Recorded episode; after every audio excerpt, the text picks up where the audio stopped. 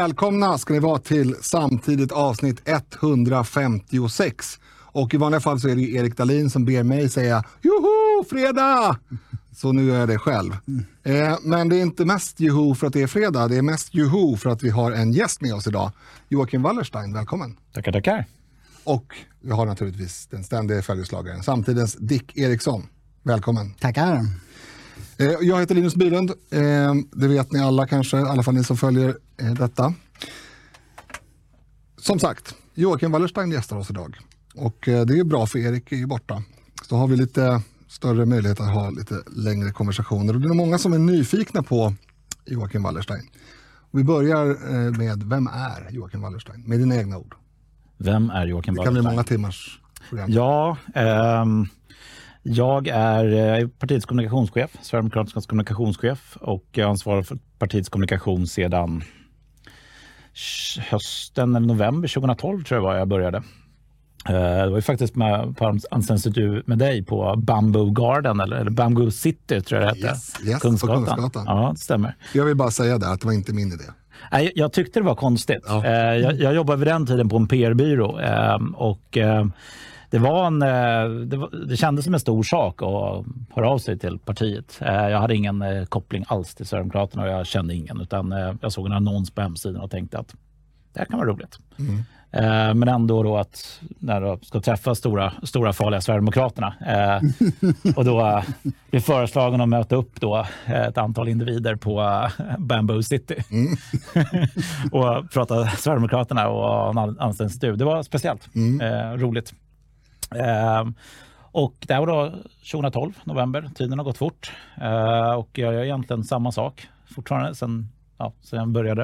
Ehm, eh, och innan dess så har jag jobbat på PR-byrå. Jag har jobbat på eh, en drös med modeföretag med kommunikation och eh, webbnärvaro. Ehm, Acne, Wired Hope. Jag har varit på Happy Socks en snabbis också. Ja, det, det, var inte så kul att göra reklam för strumpor.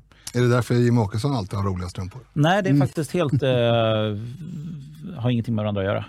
Eh, jag, jag tyckte inte det var så kul att göra, hålla på med strumpor helt enkelt. Vi behöver inte hänga ut vem det var som eh, eh kom på det här med att ha en anställningsintervju på Bamboo City eller Bamboo Garden ja. eller något på Bamboo. Buffé, eh, thai-buffé eller liknande. Ja. Inte riktigt business kanske. Nej. Eh, men det var trevligt i alla fall, tycker jag. Ehm, jag kan också som anekdotisk eh, detalj nämna att jag var ju din chef under den här första perioden. Eh, och vi hade en, en, ett medarbetarsamtal du och jag. Där jag eh, frågar, och det är ju som mallartat det här med medarbetarsamtal. Det är liksom en massa, ett antal frågor som ska ställas. Och det är oftast utformat efter liksom någon sorts godtycklig tjänst. Det är liksom det, är ungefär, det, kan, det kan passa vilken tjänst som helst mm. ofta. Så det, det, är väldigt ibland onödiga frågor. Men en viktig fråga är var får du din information ifrån? Och det är, här är väl antagligen för att identifiera brister i internkommunikation och annat i, i den här mallen. Mm. Men jag minns precis vad du svarade där. Och då svarade du, det är jag som skapar informationen. ja, det, det, kan ju låta lite drygt kanske. Eh, men det, det är som sagt det är en standardmall där man då försöker fråga personalen, hur känner du eh, att du kan hålla dig informerad om vad som händer i, hos din arbetsgivare? Mm. Eh, och eh, då, då, kände jag lite att det ändå i slutändan kom informationen i ganska hög grad från mig. Mm. Så jag, det, det, var ett ärligt svar. Mm. Jag skapar informationen. Ja, jag tror jag la upp den där, fotade och la upp den på Instagram du. faktiskt. Det var länge sedan. Eh, nej men vi hoppar väl på eh, det mer diskussionsartade eller vad vi ska kalla det. Jag tänkte fråga dig, Sverigedemokraterna har ju ett antal såna mediala eh, milstolpar skulle man kunna säga. Från egentligen, ja, väldigt långt bak i tiden. Men den första jag verkligen minns och var delvis inblandad i var den här artikeln i, i eh, Aftonbladet 2009. Som Aftonbladet valde att sätta rubriken “Muslimer är det största hotet mot Sverige” eller något sånt där sedan andra världskriget. Vilket ju inte artikeln sa. Mm. Men eh, det är så med tidningsrubriksättare att de har nog ett antal av, mer eller mindre lagliga substanser som de triggar igång morgonen med för att få, igång, få ihop det där. Men, mm. men sen finns det ett antal liksom, ja, men milstolpar, man ska kalla det, där du har varit eh, i hög grad in, inblandad och, och ofta dessutom, vad ska vi säga, pappa till dem. Vilka tre större liksom, utspel, eller vad man ska kalla det, mm, tycker du är värda att prata om? Vilka är mest lyckade eller intressanta att prata om? Mm. Ja, vi har gjort en hel del kampanjer eh, och jag har alltid haft en idé om att eh, om man ska göra en kampanj så måste det finnas, eh, jag brukar kalla att de måste vara klibbiga. Det måste finnas någonting som gör att kampanjen är intressant och oftast behövs det ett konfliktperspektiv. Alltså gör man en kampanj som bara är perfekt, en humran, då är det ingen som kommer vilja opponera sig, ingen som kommer bli upprörd kring det och ingen som kommer känna att om jag opponerar mig så kommer jag kunna vinna mot de här. Så därför har vi utformat kampanjer som har varit lite, lite märkliga och kanske inte 100% rätt alla gånger utan har givit motståndare eller ja, liknande eh, aktörer att eh, kunna attackera oss. Eh, och eh, i slutändan så har vi fått prata om det vi vill. Det viktiga har inte varit kampanjen i sig alla gånger utan det viktiga är att vi har fått prata.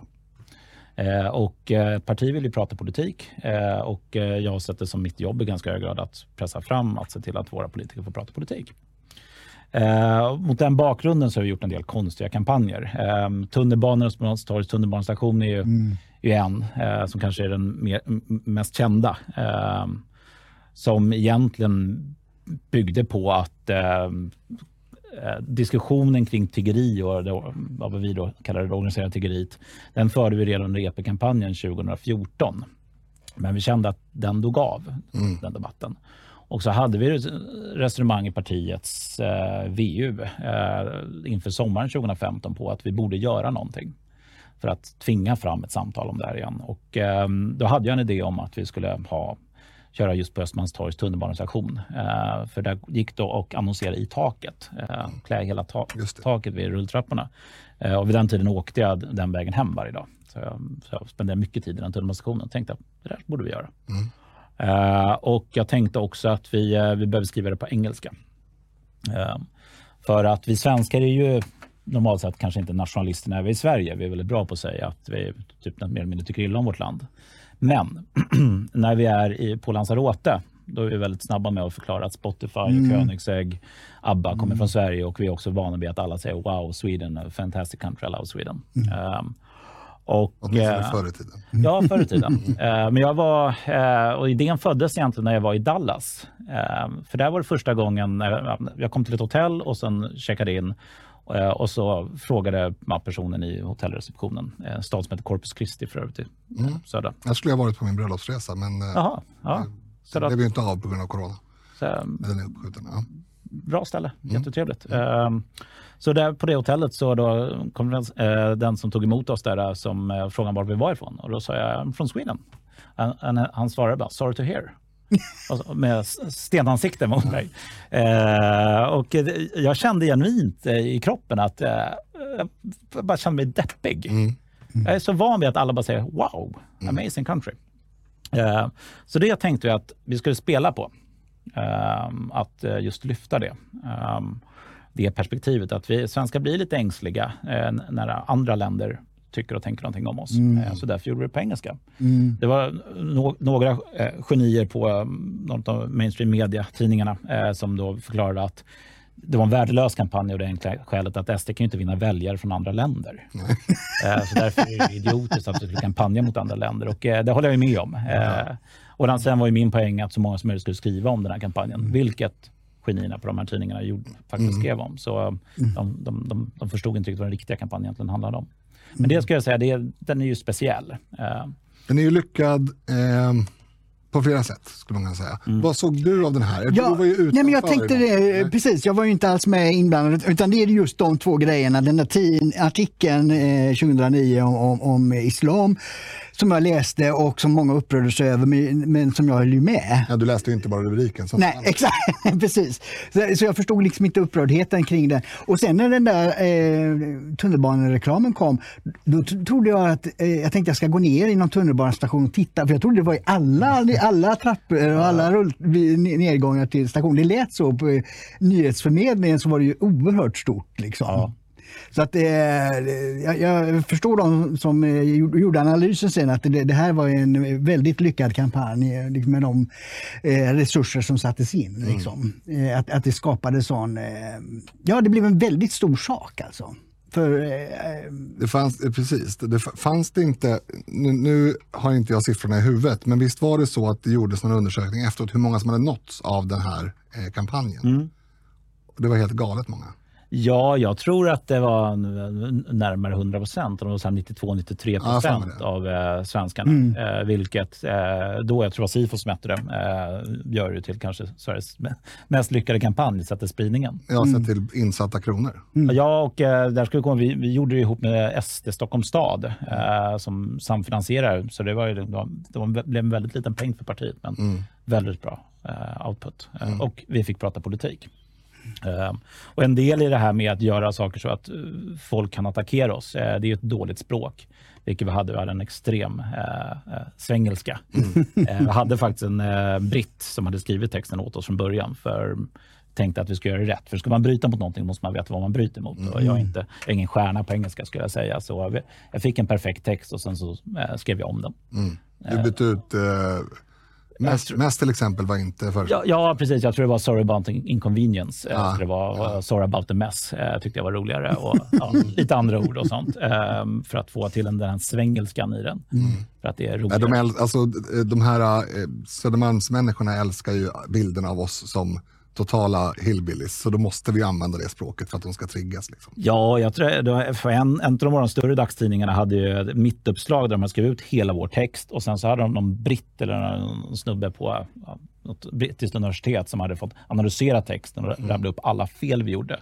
Både stavfel och grammatiska och syftningsfel mm. och så. Ja. Vilket också är helt bisarrt egentligen. Ja. Det lägger ner så mycket tid på ja, tre rader eller fem, fem rader text eller vad det var. Ja, och de måste ju ha förstått då att de sprang våra ärenden. Eller det gjorde ja. de uppenbarligen inte, för då hade de inte gjort det. Men det, det blir ju konstigt. Nej, och det, det, men det visar ju samtidigt då på vilken eh, stor energi det, det, det, finns mm. kring, dels frågan då, för tiggerifrågan var ju stor då, ja. och också eh, kring, kring, partiet så att säga, att, att få upp den till ytan. För att, eh, jag tror att även tidningsläsarna som inte håller med SD förstår att här är någonting viktigt, även om det var, handlar om språket i en artikel. Mm. Ja, eller, för, alltså, vårt syfte var ju kanske inte just annonsen i sig, att man skulle mm. läsa den och tänka nu röstar jag SD, mm. utan eh, den dagen och de, den, den veckan så pratade en stor andel av Sveriges befolkning om tiggeri. Mm. Ja. Uh, och uh, det var ju vårt syfte. Mm. få prata tiggeri. Och någonstans här eh, i tid eh, så kom det en brytpunkt också. Från att vi hade sagt att det här är ju människohandel. Det här är ju liksom organiserat. Det handlar inte mm. om människor som är fattiga och söker sig mm. någonstans för att få en slant för sina barns operation, som det ju alltid är, för de har alltid någon bild på någon, samma bild många gånger. Eh, alla pratade emot oss och sa att vi ljuger och vi, det finns inga bevis för att... Det var ju tidningsartiklar. Ja, det finns ingenting, finns inga belägg för Var inte det där råttan i pizzan också? Upp ja, i precis. Råttan i pizzan mm, mm. historia. Ja, det var alltså första gången vi körde just med titeln Stopp organiserat tiggeri, det var ju EP-valet 2014 mm. och det var ju vår det var vår snälla. Mm. Uh, jag hade en del olika idéer på hur jag skulle, mm. vad vi skulle köra i tunnelbanan. Mm. För vi gjorde det faktiskt på vanliga annonsplats i tunnelbanan 2014. Det var också uppmärksammat då. Um, och då det Stopp organiserat tiggeriet. Uh, det var vår snälla version. Jag um, kommer inte ihåg vad de andra var, men jag, jag vet att jag var förbryllad över att när de första journalisterna ringde, att de var så upprörda. Mm. Jag tänkte att organiserat tiggeri, oavsett om det är en eller alla, uh, så är det dåligt att folk tvingas mm. tigga. Det borde alla vara emot. Mm. Uh, och jag minns, uh, det var en, en kvinnlig journalist, jag kommer inte ihåg vilken tidning, men hon var den första som ringde. Hon sa, har du något bevis för det här? Mm.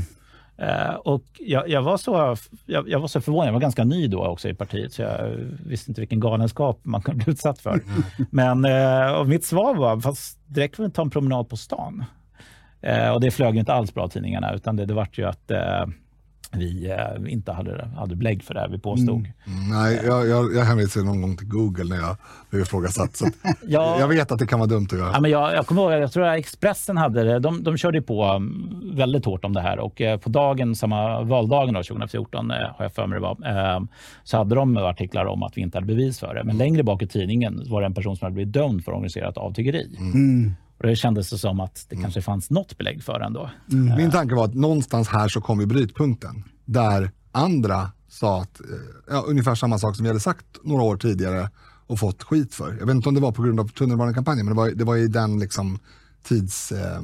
Ja, alltså det jag tänkte, alltså jag bodde då vid eh, Götgatsbacken och jag, jag såg ju på morgonen när det kom eh, ganska nedgångna folkabussar och så hoppade det ut ett antal tiggare och portionerades ut. Och det tänkte jag, ja, de, de det ser ha, ganska organiserat ut ändå. Mm. De brukade ha, eh, eller brukar ha, en IKEA-kasse, varsin IKEA-kasse ja. med i princip samma innehåll. En krycka, några filtar och något foto på något barn. Och så, så då, då, förstår man ju att det här Gan, inte... Ganska uppstyrt verkar det vara, ändå, ja. äh, tänker jag. Mm. Men det, det, det visar ju sen att fler tyckte att det var så. Nu är det, ju, nu är det ingen konstigheter att påstå det. Nu, men då var det ju det sjukaste man kunde säga där under den sommaren. Mm. Ja, men bra, eh, vi lämnar tunnelbanekampanjen, men den är ju eh, i alla fall per krona definitivt mest, mm. eh, mest framgångsrik också. Förutom att den är intressant att prata om naturligtvis. Mm.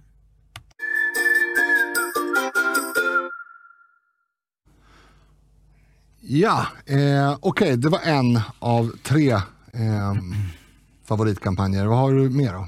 Jag, jag personligen tycker väldigt bra om eh, Lesbos. Mm. Uh, det här var ju då uh, när det var den så kallade flyktingkrisen. Uh, vi, 2015, hösten där.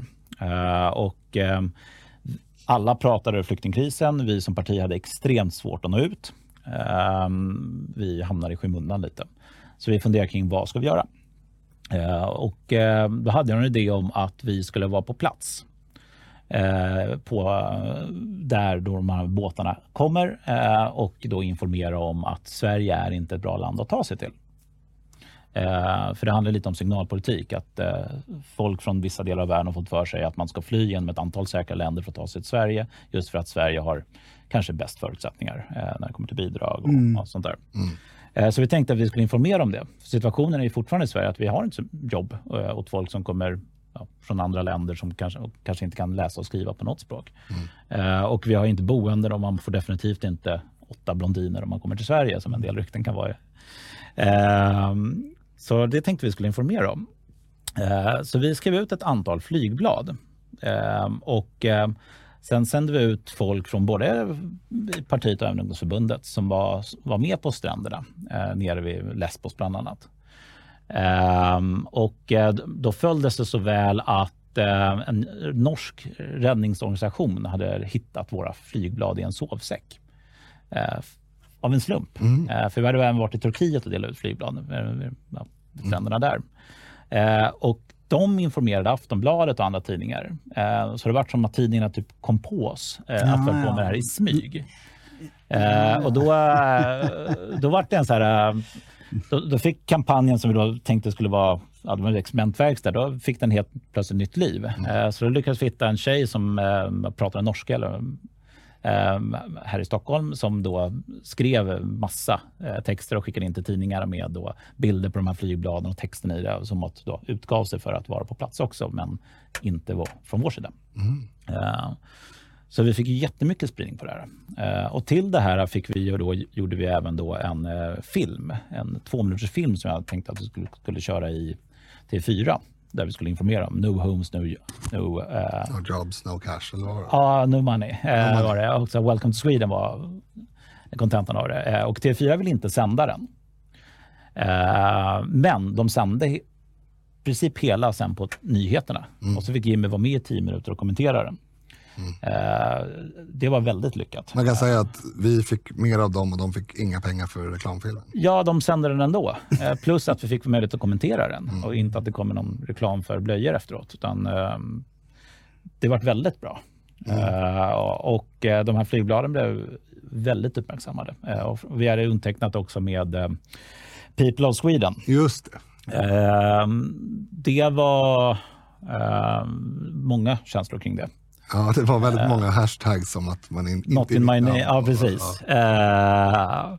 Uh, och vi, vi menar ju på att majoritet av Sverige inte... Ja, det går ju att, lägga, det går ju leda bevis. Ja, ja, ja det, det var så vi tänkte. Uh, det, det, det, det, jag missade, jag, jag signerade ju med partiet People of Sweden och kvinnoförbundet för Sverigedemokraterna. Mm.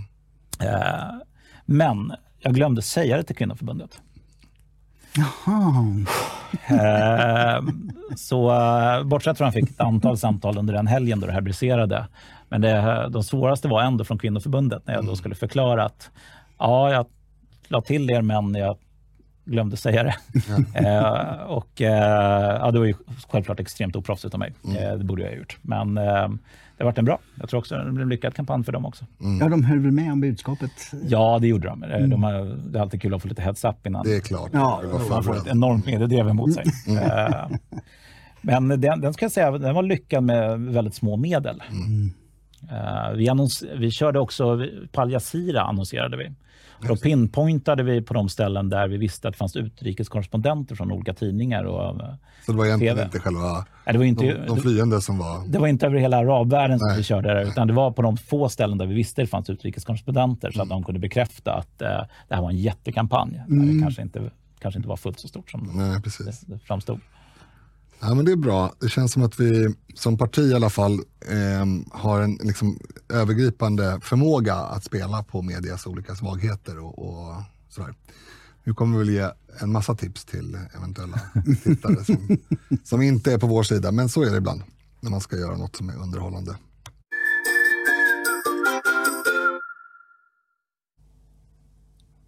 Ja, eh, Tunnelbanekampanjen, flygbladen på Lesbos. Vad är din, tycker du, tredje mest intressanta diskussions kring kampanj eller liknande? Ja, jag tänkte jag skulle slå slag för kanske en av de minst lyckade kampanjer jag, eh, jag har gjort, eller partiets namn. Mm.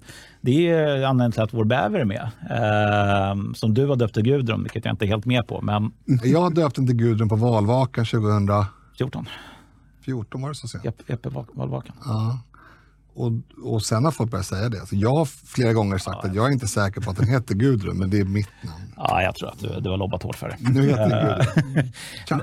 Nej, vi hade ju någon idé om, uh, satt och spånade EP-film, alltså val till Europaparlamentvalet som vi skulle köra i TV4. Uh, eh, och då är det så ett halvår innan val, då samlar man ett gäng, en drös med personer och så ska man komma på en briljant idé på hur, eh, hur gör man någonting som ska vara i 30 sekunder, eh, som är jätteroligt, som blir en snackis, som Jag måste slå igenom bruset. Eh.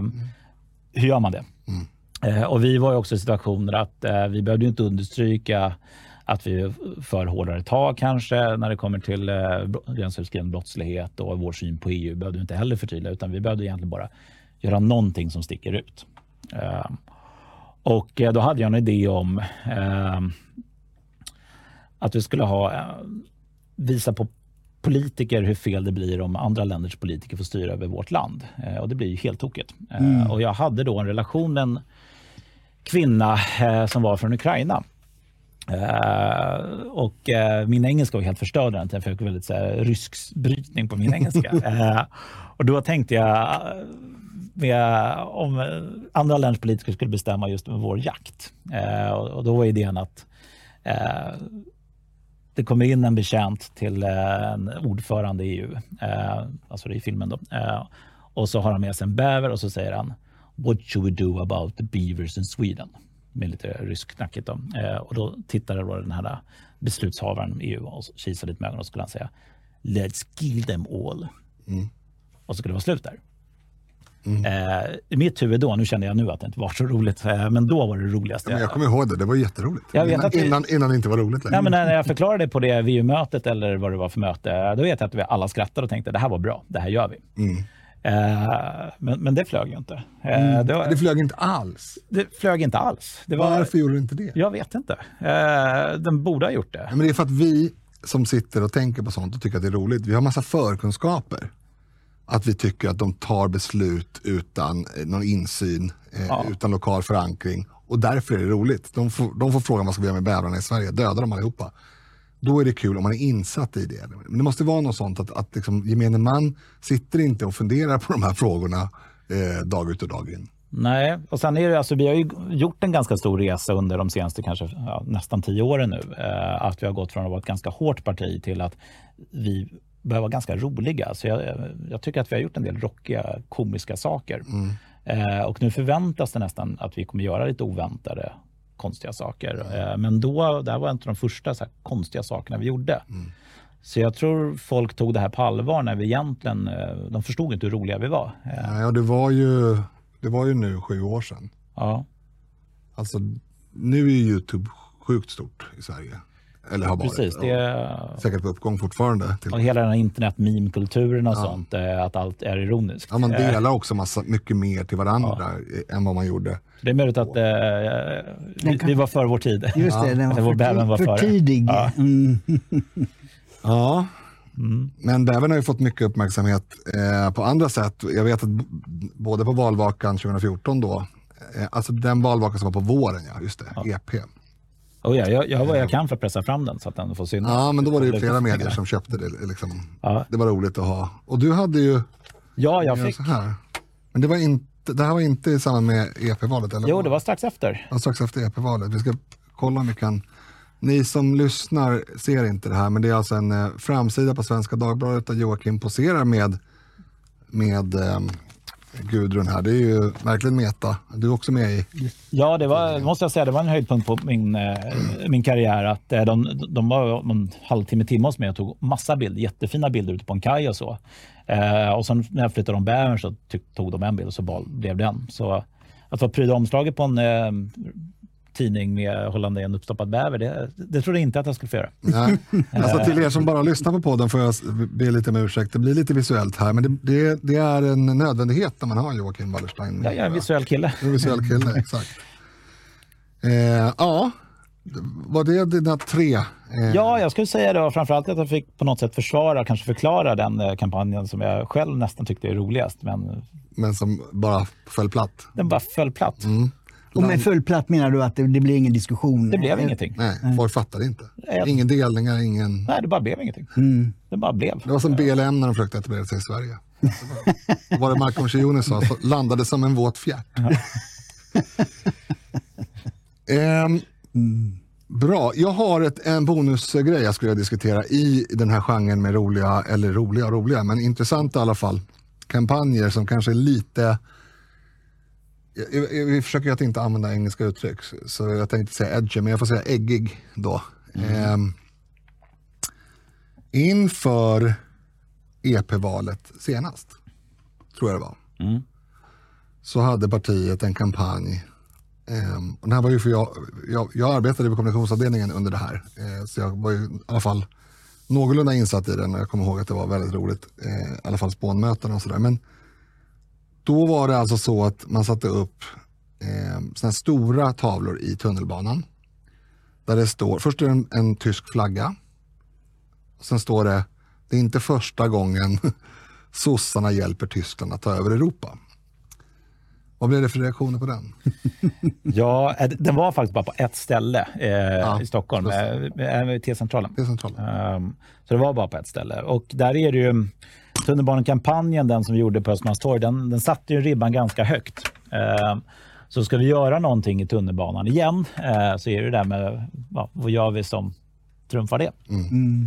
Och det börjar bli ganska svårt att trumfa det. Eh, men så hade vi då idén med just att eh, vi flyttar makt från Sverige till EU och eh, EU är i hög grad Tyskland som bestämmer över eh, oavsett vad man väljer att kalla det. Men de som sitter på pengarna har i regel makten. Mm. Ehm, och ehm, då tänkte vi lite på det där. Eh, det var faktiskt en kollega till mig, eh, Willem heter han, som kom på det här. Eh, att det är ju faktiskt inte första gången som Socialdemokraterna hjälper Tyskland att ta över Europa. och det är syfte då till Socialdemokraternas eh, ganska välvilliga inställning till Nazityskland under i alla fall första delen av andra världskriget. Eh, och när det kom till frikostig export och mm. andra eftergifter. Mm. Eh, så det, det, finns en allvarlig underton i det som man mm, absolut egentligen inte ska skämta om. Men eh, i det här fallet valde vi ändå att lyfta det. Och, eh, kampanjen i sig var inte det som var viktigt utan det, det, det handlade om var ju att de kommande dagarna så var det ju dröser med så kallade experter som var i tidningar och sånt fick förklara varför sossarna visst hjälpte Tyskland, men det var inte en så stor hjälp. Det var någon som hade resonemang kring att stålet hade rätt låg kvalitet, så så stor effekt kan det inte ha haft på Tysklands pansarvagnsindustri. eh, och, och det, är ju, det är lite det en kampanj syftar till. Det, det, är ju att pressa fram att man får prata det vi vill. Och dagarna innan EP-valet 2019 blir det, eh, ja, 2019, mm, eh, ja. fick Socialdemokraterna, Aftonbladet och alla deras cancerorganisationer förklara varför tyskarna inte fick så mycket hjälp av Socialdemokraterna egentligen. Mm. Istället för att prata om det sossarna hellre ville. Uh, så um, på sätt och vis lyckad, även om den kan te sig som lite konstig. Ja, alltså en del tyckte att det här var oförskämt eller sådär. Och ja, visst, jag kan ha respekt för det, men är det inte så att när det finns liksom nedtystade sanningar i ett samhälle, mm. vilket ju sossarnas eh, ganska omfattande hjälp till Nazityskland ändå är. Det är inget man går och pratar om i dagligt tal. Stefan Löfven står och gapar om några skinnskallar som var med i vårt parti för 30 år sedan. Men, men eh, längre bak än så vill man absolut inte gå, för där har man ganska mycket rätt vidriga lik i garderoben. Jag tycker någonstans att den här humortouchen på det hela kan vara ett ganska befriande sätt att slå hål på sådana tabun. Eh, jag tycker inte att det är att förminska någon annans lidande eh, eftersom alla förhoppningsvis förstod att det här handlar inte om att säga att Socialdemokraterna idag gör exakt samma som Socialdemokraterna som hjälpte Hitler. Mm. Eh, men det är ju, ja, jag vet inte, det, det har varit en del sådana reaktioner, men man, man kan ju liksom ifrågasätta hur många av de reaktionerna som är pliktskyldiga.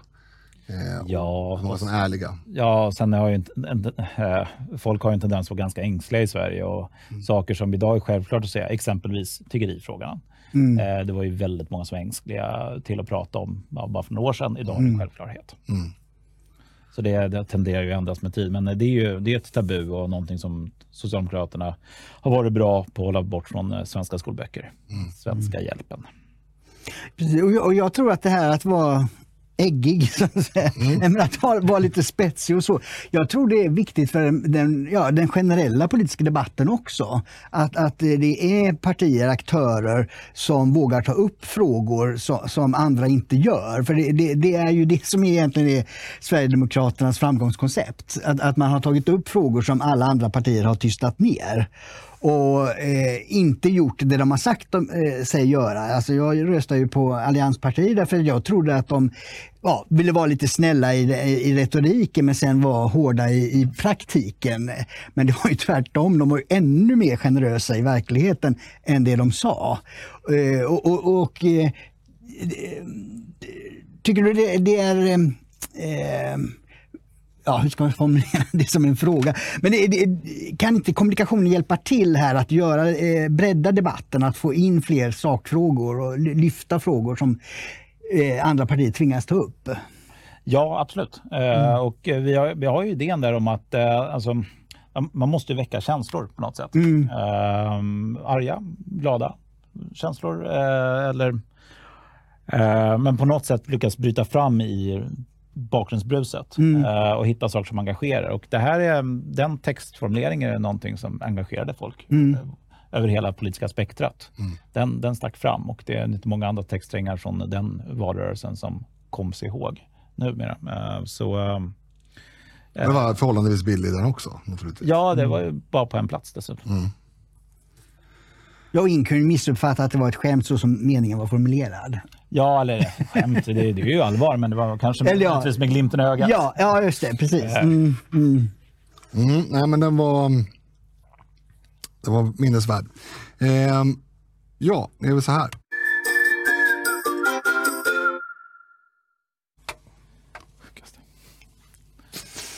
Mm. Joakim, eh, och det gäller väl kanske hela kommunikationsavdelningen det jobbas väldigt ofta med rekvisita som är lite oväntad eller alltså visuella effekter som är. Jag får väl berätta för lyssnare att vi har, förutom att vi har en bäver, uppstoppad bäver här i studion, för de som kollar på Youtube, så har vi också eh, mikrovågspopcorn med smörsmak från Estrella. Eh, man kanske inte ska säga varumärkesnamnet, men vi har också citronjuice och vi har någon sorts fiberhavregryn. Varför har vi det? Ja, det, det började egentligen av typ praktiska skäl. Eh, vi hade, eh, jag tror att Musikhjälpen, kan det ha varit 2015 eller, eller 2016, eh, som Jimmy då skulle vara med och lotta ut en middag i. Att han skulle laga middag åt dem. Och då tänkte vi eh, att eh, det måste vi ha en bild till. Eh, och eh, som vanligt många gånger i det här partiet så eh, är ju kanske inte planeringen och framförhållningen det bästa, utan det var en, det var en impuls. Eh, och vi behövde snabbt plåta Jimmy och han hade ett tidsfönster på väldigt kort tid. Och då hade vi riksdagens ganska deppiga trinettkök eh, i, i, våra lokaler då i riksdagen, våra gamla lokaler. Eh, där vi kunde fota och då behövdes vi någon form av rekvisita. Och, eh, ja, det som fanns i skåpet var fiberrikade havregryn, smörpopcorn och eh, en citronkoncentrat. Så vi ställde upp det eh, och så tog en bild med Jimmy där han ser glad ut. Och, Just, han skulle laga en middag till någon. Mm. Precis. Mm. Eh, och för det, någonting bör man göra. Och det visar också på den här sprängkraften om det finns någonting som någon kan vara upprörd kring. Mm. Eh, och det var ett flertal eh, förståsigpåare och proffstyckare och även tidningar som då hakade på det att det var vem vill köpa en middag med de här ingredienserna? Mm. Jag tror till och med Nyhet 24, kanske en av Sveriges minst nödvändiga tidningar, eh, som ändå testade att blanda de här sakerna och äta i en tv-sändning. Mm. Vilket är... Poppade de, poppade de popcornen först då? Vet du? Jag, jag minns inte. Jag, jag tittade inte klart. Det tror jag inte någon gjorde, någon annan gjorde heller.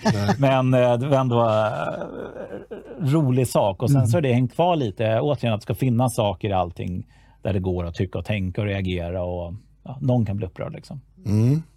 Ja, det är ofta som, det kan ni tänka på om ni ser kommunikation från Sverigedemokraterna, det är oftast någonting i bilden eller i filmen som är lite sådär udda. Konstigt. Som man ska haja till på. Eh, ja, eh, något mer rolig rekvisita som du kan ådra, eh, dra dig till minne att vi har använt i, ja, Gudrun har ju varit med väldigt många gånger. De här är med ofta. Ja, vi gjorde ju en, det är inte rekvisita riktigt, men det, det är platser. Eh, vi gjorde ju en ganska lång eh, film inför Europaparlamentvalet 2019. Eh, då vi, en väldigt rolig resa förut. Vi åkte, vi filmade i åtta eller nio länder under sex dagar.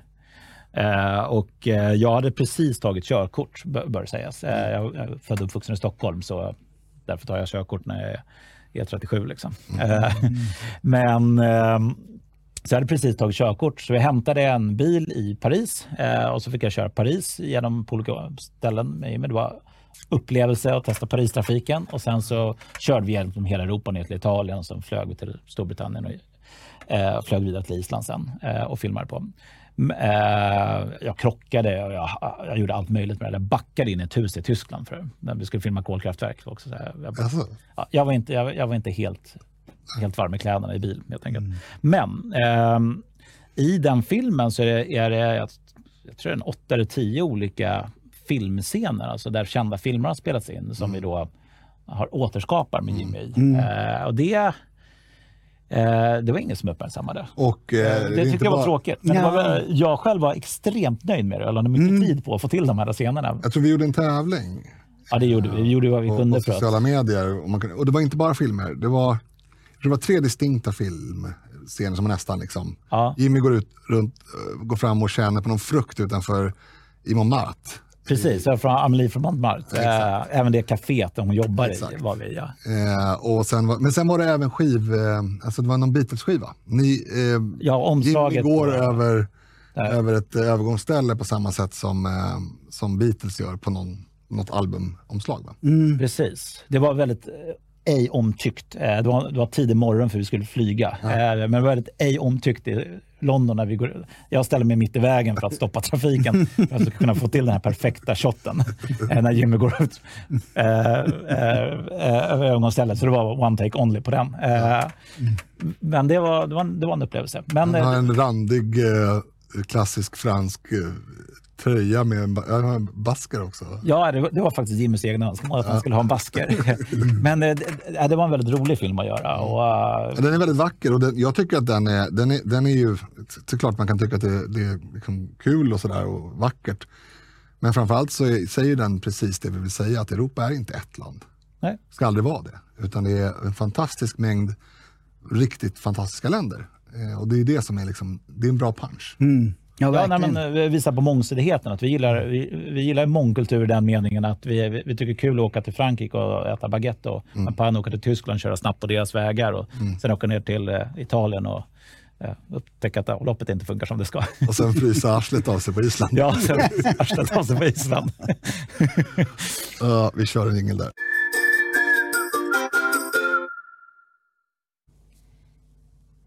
Eh, hetast just nu är väl Riks ändå. Vi har inte pratat något om Riks. Nej. Jag tänker att du ska få prata lite om Riks. Ja. Vad vill du säga om Riks? Vad ska jag säga om Riks? Eh, man, ja, för de som inte vet kan vi säga att Riks är eh, det är ju en tv-kanal som är eh, fristående, eh, men startad av partiet och med eh, Dick som ansvarig utgivare. Just. Med tanke på vad, de här programmen så vet jag inte om det kanske ska vara oansvarig utgivare. Nej, jag skojar. Ja, eller det, är, det är väl fristående med inom citationstecken. Den produceras av partiets kommunikationsavdelning. Eh, så den är väl ganska fristående istället. Och, eh, det är väl en tanke mm, som efter en del av eftervalsanalysen efter 2018 där mm, ja, jag, personligen var ju väldigt missnöjd med resultatet. Det var ju fantastiskt, vi gick fram så mycket som vi gjorde, men jag, jag kände själv att, det bo, att jag trodde själv att det skulle gå bättre. Eh, så jag satt på kammaren och tänkte rätt länge. Jag brukar ha en eh, procedur eh, efter valen. eh, Varje val att jag åker, jag åker till Österrike och i Alperna i typ två veckor helt själv och vandrar. Sen brukar jag spontant köpa ett hus och sen så försöker jag renovera det under två år och så säljer jag det lagom till nästa valrörelse. Jag har gjort det i alla fall två gånger. Ja, jag har gjort det två, två, två gånger, så det är, det är väl ändå en rutin. Eh, men, ja, vad skulle jag säga om det? Utvärdering av eh, valrörelsen. Ja, och eh, då, då landade jag ändå i att jag var nöjd med valrörelsen. Vi gjorde rolig rekvisita, eller, eh, vi gjorde bra filmer, vi gjorde bra annonser, efter 2018-affischerna. Eh, jag var nöjd med valrörelsen. Jag kände att jag, jag kunde inte göra det här bättre. Kände jag. Eh, och ändå gick det inte som jag ville.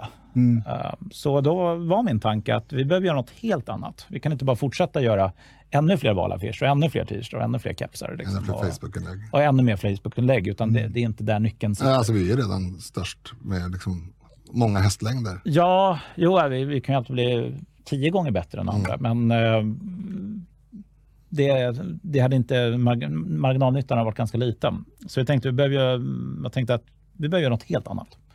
Då landade vi i att eh, innehåll, vi ska skapa mycket, mycket innehåll eh, och visa på inom citationstecken vanliga människor som eh, pratar politik, resonerar kring politik, skämtar om politik och i ett relativt snabbt och enkelt format. Eh, poddar är all ära, men det är inte alla som sitter och tittar länge, sitter länge i en bil och lyssnar eller jobb, på sin arbetsplats och lyssnar, utan snabbt, enkelt och lättillgängligt. Eh, så det är egentligen idén med Riks. Eh, en kanal som vi hade hoppats på att någon annan hade startat, men brist på att ingen annan gör det så startade vi startade den själva. Mm. Precis. Det har blivit, ja, Ja, nej, men det, jag tycker det är en, en väldig breddning. Jag, jag var lite skeptisk eh, till början. Jag är ju ledarskribent och gillar att skriva texter. Liksom, att man ska ha alla ord på, på rätt plats och ett tydligt budskap och, och, och sådär. Men, men eh, med bildmediumet så eh, ja, man, man får möjlighet att ta upp flera aspekter och på ett annat sätt. Liksom. Eh, Vi gör ju intervjuer med folk eh, i olika eh, sammanhang som har varit med om, om, om saker och ting. Och, och eh, diskussionsprogram och allt möjligt annat. Sånt där. Så det, det är ju verkligen en breddning av kommunikationen. Ja, och eh, det är också en del i det, att det, att det inte ska vara ett SDTV, eh, där vi Nej, just varandra det. bara, utan att vi i hög grad ja, jobbar med externa gäster. Och, eh, det tycker jag vi har lyckats ganska bra med. Sen har det varit en liten experimentfas. Det, är- det är svårt att göra tv. Eh, det, är, det är svårt att sitta framför en kamera och det är svårt att producera program och klippa och skriva program. Eh, så vi har ju varit en experimentfas sedan november då vi körde ut vår första klipp. Men vi- jag tror vi är uppe i dryga 1000, närmare 1100 videoklipp sedan november, vilket är jättebra. Eh, och ligger på en halv miljon unika tittare i eh, månaden. Vilket ändå får räknas som en ganska stor kanal då, eh, med väldigt små medel. Så det, det, ja, vi är nöjda med utvecklingen. Eh, och, men kan man tolka det som att det är fortfarande i någon sorts utvecklingsfas? Ja, det kommer det nog alltid vara. De som Eh, eh, följer Riks och de som tittar, de, de kan vänta sig ytterligare utveckling. Så att säga. Ja, det ska hända rätt mycket. Eh, vi- vi ska ju bredda programutbudet och mm, försöka ha, ha större täckning och fler områden. Men det är, mm, ja, som sagt, det är svårt att göra tv. Man måste ju börja någonstans dessutom, Precis. så det blir en utveckling. Härligt.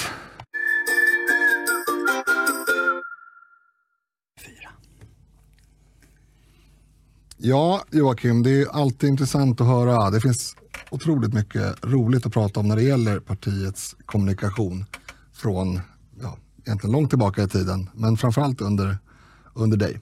Eh, de senaste sju åren, eller vad konstaterar vi? 2000, Nej, ännu fler. Ja, Nio. det blir nästan tioårsjubileum snart. Ja. Ja, just det. Lagom till valet blir det tioårsjubileum.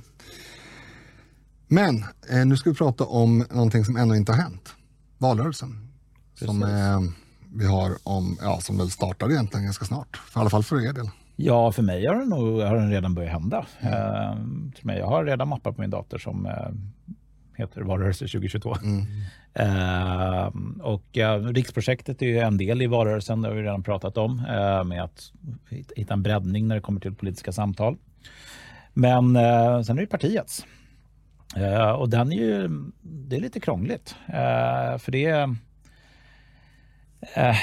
det är ju inte bara att man samlas och tänker nu ska vi göra tio roliga kampanjer och så här ska valaffischerna se ut och vi behöver ha t-shirt också. Men det funkade 2010?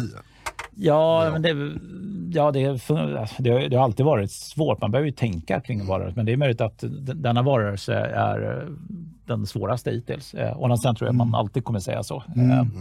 Eh, att det är alltid den kommande som är värst. Eh, och det är ett ödesval. Det är alltid ett ödesval. och demokratin är alltid i fara också. Om man ska lyssna på sossarnas retorik. Nej, men det man behöver fundera lite kring det, är det där med profilering och så. Och för oss är det, är det en viktig sak med att å andra sidan så ska man ju vara tydlig och um, understryka engagemang och um, att man, vad, man faktiskt vill i olika frågor.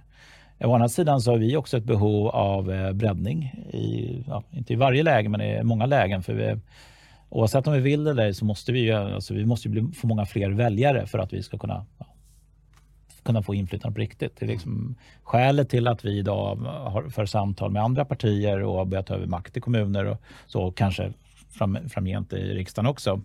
Um, det bygger på att vi är så stora som möjligt. Um, och den är ju den är svår. Uh, för är man ett litet parti, ja, då, då är det inte så många man behöver appellera till. Mm. Uh, men när man är ett stort, då ska, behöver vi appellera till allt ifrån yngre tjejer i Stockholms storstad till äldre farbröder uppe i Norrland.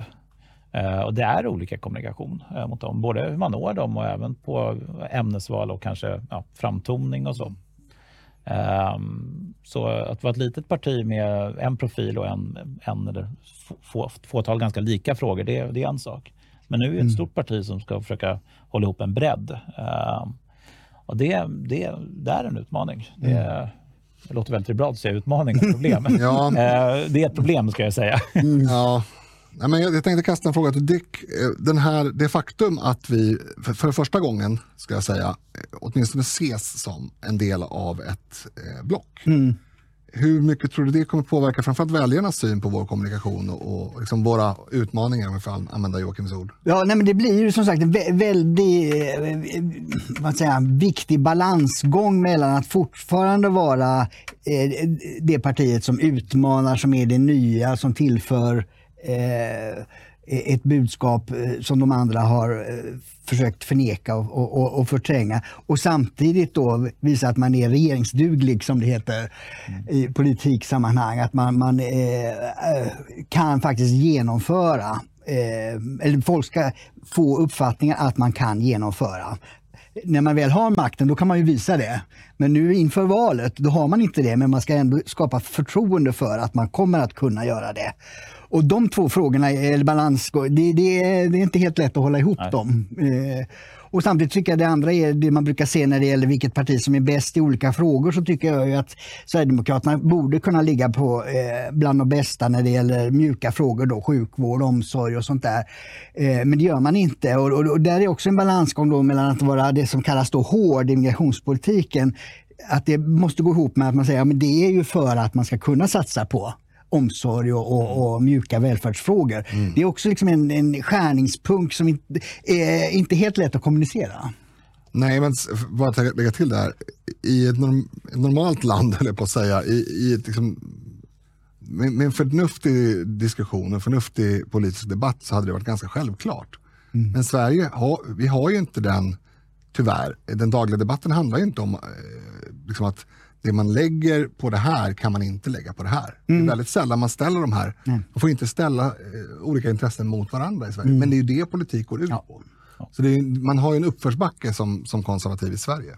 Ja, verkligen. Eh, och sen ska man komma ihåg med, den här, med, med idén kring hård eller mjuk retorik. Mm. Att, eh, Eh, när vi ens andas att eh, ska, ska ta strid för en fråga, då är, ju, då är väldigt många upprörda. Återigen, demokratin i eh, fara. Mm. Men Socialdemokraterna lyckas å andra sidan prata om liksom att det är verkligen jordens sista dag oavsett vad det gäller. Det är mm kvinnor ska keras för spisen och mm. jobben ska slaktas, folk ska kastas ut på gatan. Mm. Det, oavsett eh, vad de pratar om för typ av mjuk fråga så låter det alltid som att det är domedag. Mm. Eh, och de kommer undan med det. Mm. Och sen så är det lätt när man i hög grad kontrollerar mediekanaler att man då kanske kan komma undan med det. Men mm. eh, det, det, är ändå, de lyckas prata väldigt hårt om mjuka frågor. Mm, eh, det, är, det är intressant att klara det och ändå ha eh, gå så bra bland kvinnor framförallt mm. som eh, man kanske då lite mer fördomsfullt kanske skulle kunna gissa på mer attraheras av en mjukare retorik. Mm.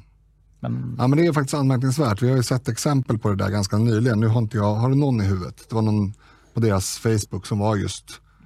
Ja, det var väl kopplat till eh, a-kassa och um, så att vi skulle slakta. Mm.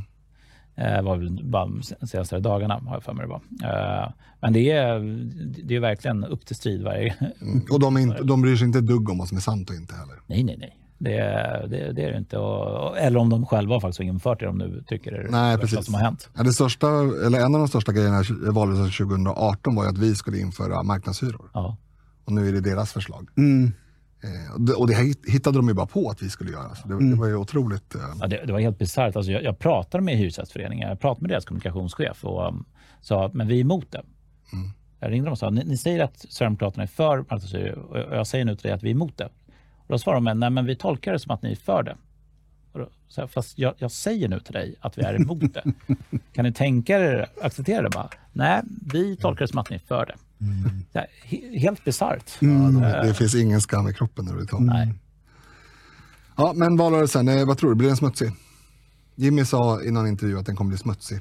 Ja, det är väl den alltid på ett annat sätt. Mm. I synnerhet om man är sverigedemokrat man vill kunna upplevt att den har varit smutsig på mm. olika sätt. Ehm, så det, det, är väl, det är väl en standardläge. Ehm, men vi ser ju en socialdemokrati som är mer och mer desperat och ehm, mm då kan man väl utgå ifrån att de kommer agera som mm. desperata. Det kommer komma en del fake news och sådär? Ja, det kommer det nog vara. Ehm, kan man nog räkna med. Mm.